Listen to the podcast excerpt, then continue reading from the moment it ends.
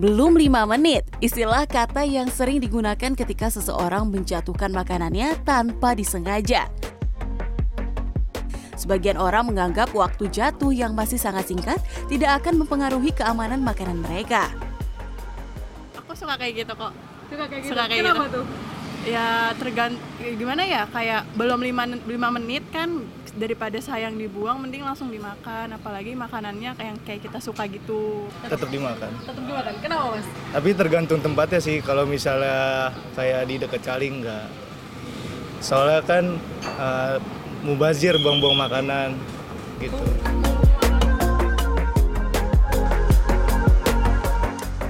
Sebuah penelitian pada Oktober 2016 yang diterbitkan dalam jurnal Applied and Environmental Microbiology meneliti empat makanan yang jatuh ke lantai.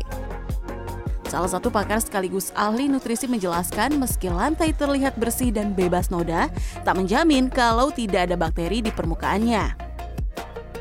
Well, it depends what microbe they pick up off the floor. I mean, sometimes it could be nothing, and I'm sure many people have picked up food that's fallen on the floor very quickly. And I know you don't want to waste food, but you also don't want to have that possibility of getting sick. So, symptoms of any kind of microorganism or pathogenic microorganism that you may take in may be um, a tummy ache, and it could be vomiting, diarrhea, um, and then it can get worse depending on the load of how much you picked up um, off the floor. Dokter spesialis ahli gizi Sindiawati menjelaskan jenis makanan basah atau kering yang jatuh juga sangat berpengaruh. Ya, dikatakan kalau dia basah, resiko untuk kontaminasi lebih banyak dibandingkan area yang kering. Kontaminasinya lebih sedikit.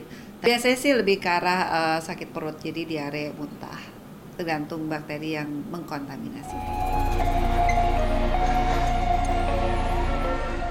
Sindiawati menambahkan, baik kurang dari 5 menit atau hanya 5 menit, makanan jatuh tidak seharusnya dikonsumsi karena dapat menimbulkan bahaya bagi kesehatan, terutama pencernaan. Tim Liputan CNN Indonesia.